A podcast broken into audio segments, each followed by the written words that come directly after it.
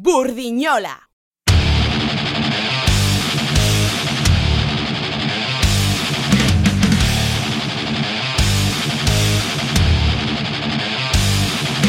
Busted, caught red-handed again. You can't be trusted, born to lose, you'll never win. You're so corrupted, you stand afar as condemned. So maladjusted to the world we're living and dying in.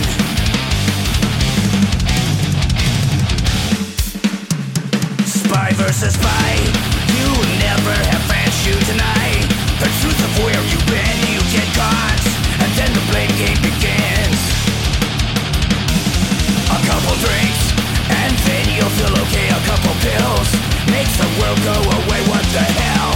You're gonna die anyway.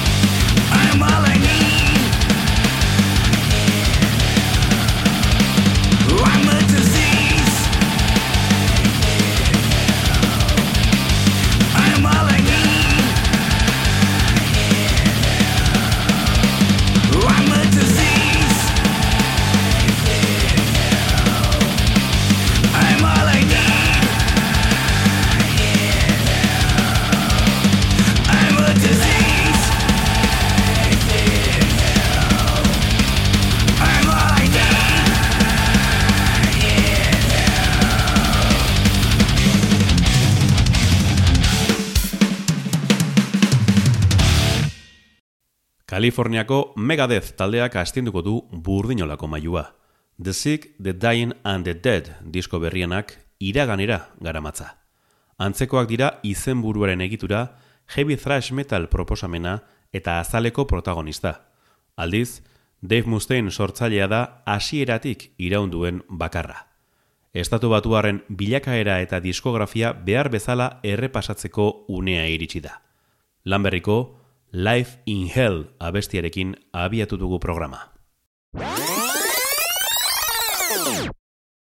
Mila behatzireunda larogeita iruan sortu zen Megadeth banda Los Angelesen. Kaleratze batek eragindako amorruaren emaitza da. Dave Mustaine metalikako gitarista nagusia izan zen, droga kontuengatik bota zuten arte, laro iruan bertan. Bi hilabetera, David Ellefson basu jotzailearekin elkartu zen Megadeth aurrera eramateko. Izenak akats ortografiko bat duela esan ohi da, Megadeth izan behar zuelako. Eztanda nuklear batek eragindako milioi bat hildako. Mustainek haren talde ohiak baino gogorrago eta azkarrago jo nahi zuen, eta horregatik beste taldekideak topatzea kostatu zitzaion. Denbora batez, Slayerreko Kerry King izan zen gitarista, baina arekin ez zuten ezer grabatu. Lee Rausch bateriarekin grabatu zuten maketa bakarra, baina estrenako diskoa prestatzeko beste bi musikari fitxatu zituzten. Chris Poland gitarista eta Gar Samuelson bateria. Laro eta bostean, Killing is my business and business is good lehen lana kaleratu zuten. Diskoetxeak emandako diru gehiena drogetan gastatu arren, lorturiko emaitza berezia da. Big Rattlehead pertsonaia era beldurgarrian aurkeztu zuten azalean. Maketan eta lehen disko honetan ageri da, mustainek metalikaren zat komposaturiko abesti bat. Hau duzue, Mechanics.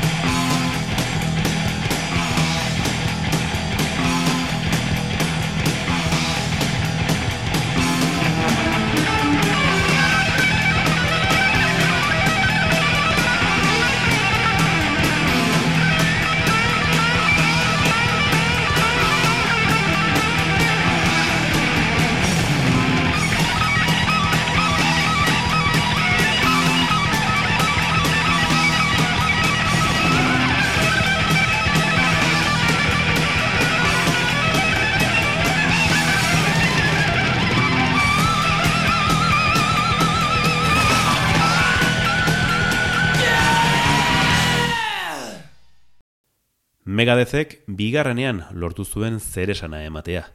Laukotea finkotuta, nolabait, Cells But Who's Buying bigarren disko eta mugarria plazaratu zuten larogeita seian. Beiareako thrash metal loraldiaren talde garrantzitsuenetakoa bihurtu zen, eta salmentek nabarmen egin zuten gora. Gainera, MTV telebista kateari esker sekulako oiartzuna izan zuten. Peace Cells lehen singlaren bideoklipa bain eta berriz jarri zuten. Ikusi ez, baina entzun dezagun.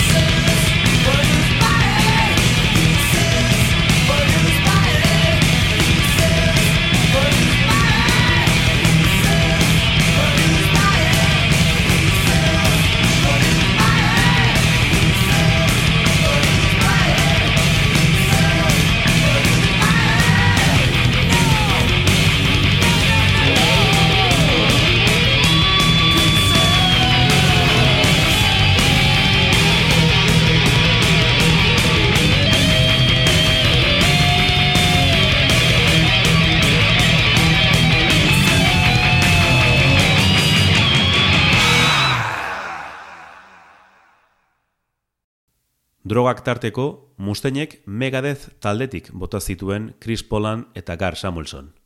Arazo bera zuen liderrak, baina berak agintzen zuen. Ordezko gisa, Jeff Young gitarrista eta Chuck Beller bateria fitxatu zituzten, eta beraiekin grabatu zuten laro zortziko So Far, So Good, So What irugarren diskoa. Aurkezpen biran, beraiekin aserretu zen nagusia, eta hauek ere kanporatu zituen. Hori gutxi balitz, Elebson eta Mustaine errehabilitazio programa batean sartu ziren, beraiek ere drogekin arazo larriak zituztelako. Errekuperatu ostean, Nick Menza bateriarekin eta Marty Friedman gitarristarekin berrosatu zuten laukotea. Baita laugarren diskoa argitaratu ere, larogita amarreko Rust in Peace txalotua eta salmenta aldetik arrakastatxuenetakoa. Ona hemen klasiko bat. Hangar 18.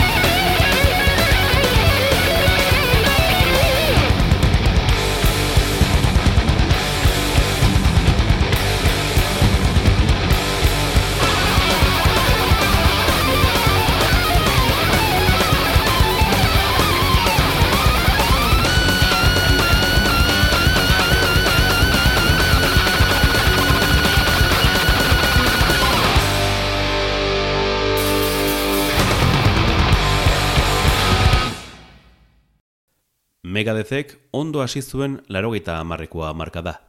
Kontzertu harrakastatxuak eskaini zituzten ikusle askoren aurrean. Era berean, Mustainek lagunak egin zituen. Slayerreko Tom Araya eta Dave Lombardorekin liskarrak izan zituen, naiz eta gerora urak baretu. Musikalki berriz, maila paregabearekin jarraitu zuen bandak. Laro gita amabian, Countdown to Extinction bosgarren diskoa plazaratu eta ordura arteko salmentak gainditu zituzten. Mustein drogen zulora jausi zen berriz ere, baina burua altxatzea lortu zuen. Are gehiago, metalikarekin batera kolaboratu zuen kontzertu batean. Larogita amairuan berriz, balium gaindosi bat izan eta eriotza hurbil sentitu zuen. Ondorioz, gainerako taldekidei drogak debekatu zizkien. Marka da gero. Hau duzue, Symphony of Destruction.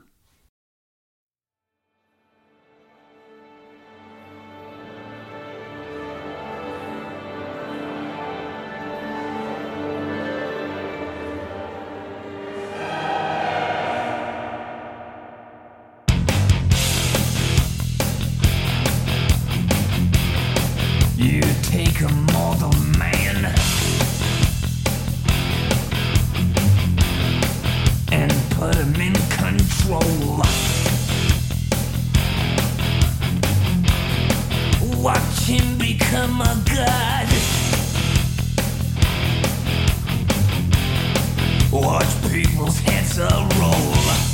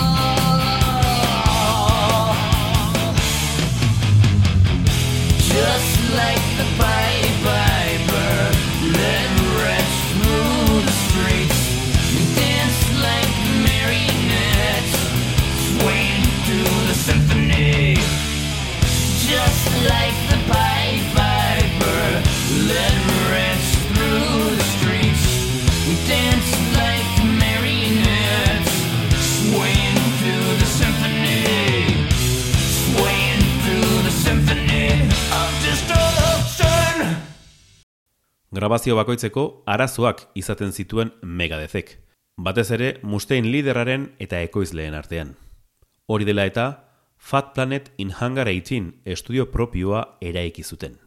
Eta han grabatu zuten Juzanasia lan berria, laro malauan kaleratu zutena. Arrera ona izan zuen, eta zale gehiagoren gana iritsi ziren. Batez ere, disko komertzialagoa delako. Bestalde, MTV kateak Atule Mond abestiaren bideoklipa zentsuratu zuen, suizidioari buruzkoa zelakoan. Gaizki ulertu bat izan zen. Bestela, entzun. Don't remember where I was I realized life was a game More seriously I took things The harder the rules became I had no idea what it cost My life passed before my eyes I found out how little I accomplished all my plans tonight. So as you read this, know my friends, I'd love to stay with you all.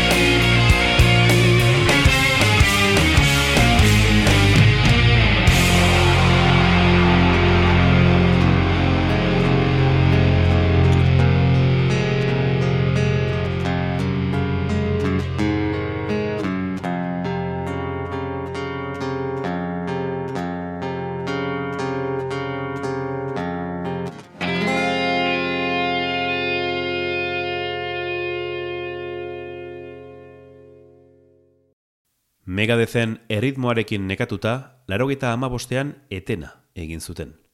Mustainek MD45 proiektu paraleloa sortu zuen, bestelako doinuak jorratzeko. Garai berean, Bud Prager managerra fitxatu zuten, estatu batuaren bilakaera komertzialean sakondu zuena. Larogeita amaseian itzuli ziren estudiora, eta urtebete berandoago argitaratu zuten Cryptic Writings diskoa. Bi bitxikeria ditu. Batetik, Netless and Pins izenburua jarri nahi zioten hasieran, eta bestetik, Big Rattlehead pertsonaia ez da azalean agiri. Lehen singelak sekulako arrakasta izan zuen, eta mainstream zerrenden lehen postuetan kokatu zen. Trust da abesti hori.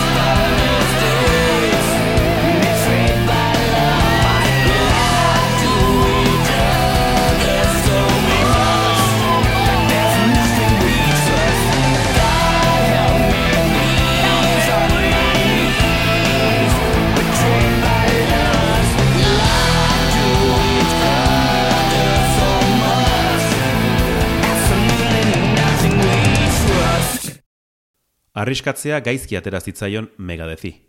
Prager manajerrak abestien konposaketan muturra sartu zuen, eta hautatu zuen ekoizlearekin metaletik alden zuen taldea. Larogita emeretziko risk disko eskasarekin ondoa jozuten. Kritikak zapaldu zuen eta zaleek bizkarra eman zioten. Gainera, Friedmanek ustea erabaki zuen. Hori dela eta, Mustainek Prager kanporatu zuen, eta hurrengo lana ekoiztearen ardura hartu. Ol Pitrelli gitarista berriarekin batera plazaratu zuten 2000 eta batean The World Needs a Hero. Norabide ona berreskuratu zutela, esan daiteke. Dena dela, osasun arazoek Mustein astindu zuten, eta besteak beste, ezker beso eta eskua mindu zituen. Jo ezin da geratu zenez, 2000 eta bian Megadeth desegitea erabaki zuen. Bi urte beranduako, errekuperatuta, bakarkako lehen diskoa prestatzen hasi zen. Halere, multinazional batekin zuen akordio legalagatik Megadeth berra biarazi behar izan zuen.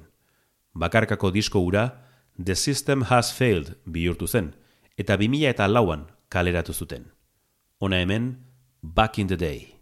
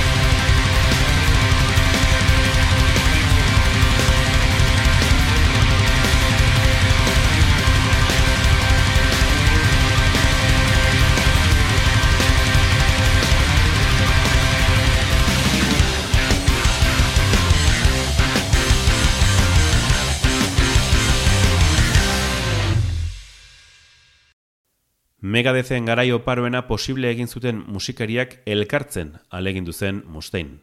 Eta noski, ez zuen lortu. Friedmanek eta Elebsonek ezezkoa eman zioten, eta nik menza bateriako mentzitu bazuen ere gutxi iraun zuen. Horrek taldekideen joan etorria eragin zuen, laukotea ondorengo musikariekin egonkortu arte. Glenn eta Sean Robert Anaiak eta James Lomenzo. Elkarrekin osatu zuten 2000 eta zazpiko United Abominations diskoa. Azalak gogora dakar Peace Cells lanarena, nazio batuen egoitzaren kontrako eraso nuklear bat ageri delako. Hori bai, Big Rattlehead giartxu dago eta ez da eskeleto bat. Hau duzue, Never Walk Alone, A Call to Arms. We'll be right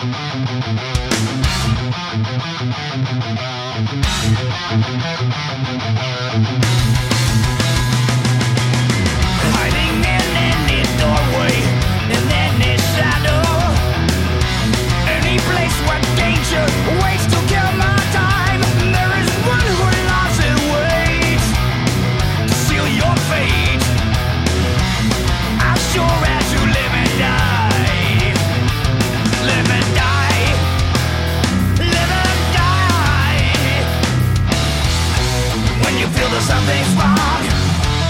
so you and keep you warm. I never let you walk alone.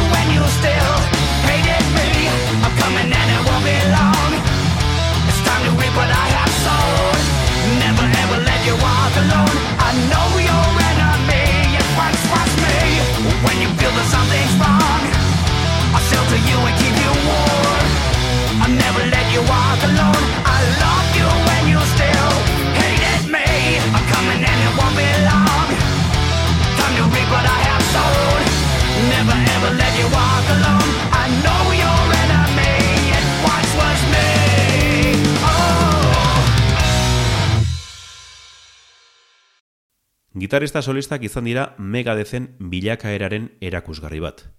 Glenn Doberrek disko bakarra grabatuta utzi zuen, eta Chris Broderick izan zen haren ordezkoa. Mustein oso pozik agertu zen aldaketarekin. Gainera, gitarista berriaren ekarpenak hiru lanetarako eman zuen. 2000 eta bederatziko Endgame izan zen lehena, eta estatu batuarrek Heavy Thrash esentzia indartu zutela esan daiteke. Urtebete beranduago, Elefson itzuli zen, Lomenzoren agurarengatik, eta Rastinpiz diskoaren hogei garren urte hurrena ospatzeko. Dena dela, entzun dezagun Endgame laneko abesti borobilena. Head Crusher.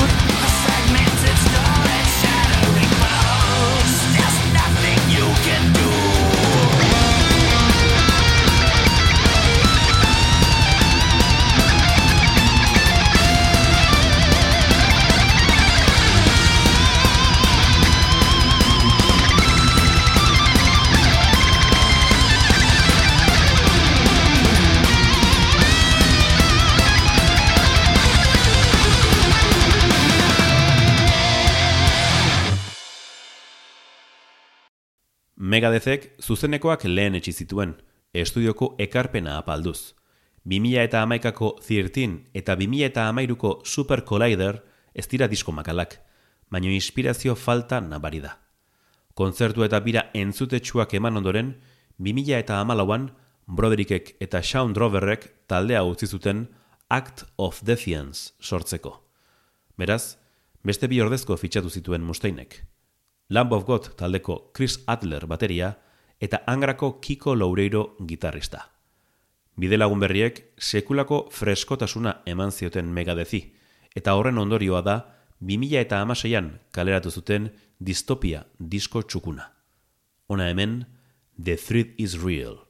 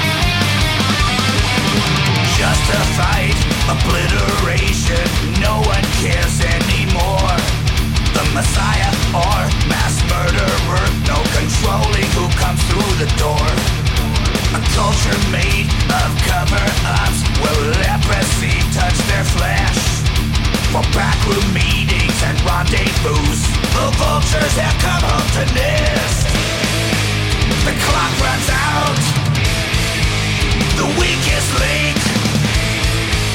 A deadly strike. The threat is real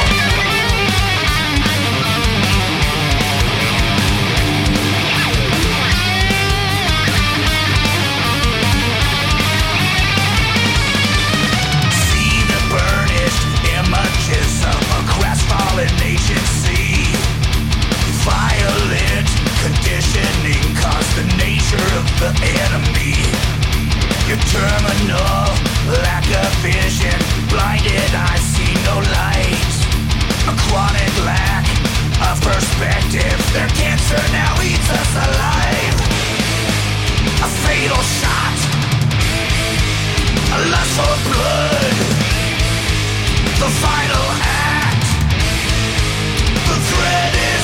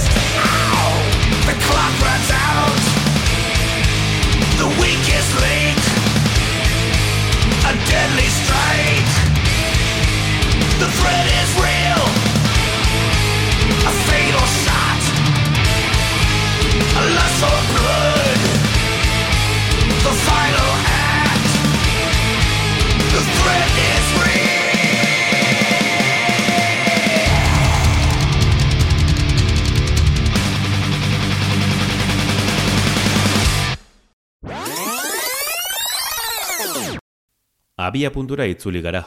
Megadezen The Sick, The Dying and The Dead diskorik berrienera. Halere, aurrez gertaturiko beste pasarte batzuk aipatu behar dira. Adler bateriaren lekua Dirk Berbeurenek hartu zuen, eta iaz, Elefson taldetik bota zuten ustezko pedofilia kasu batengatik. Lomenzo basio jotzailearen itzulera eragin zuen. 2000 eta emezortzian hasi ziren grabatzen lana, eta basua Steve DiGiorgio ezagunak bire grabatu zuen. Estudioan lau urte inguru pasa ondoren, aurkeztu dutena ondo dago. Saioa bukatzeko, estatu batuaren azken laneko Celebutant abestia hautatu dugu. Urrengora arte, metalzale.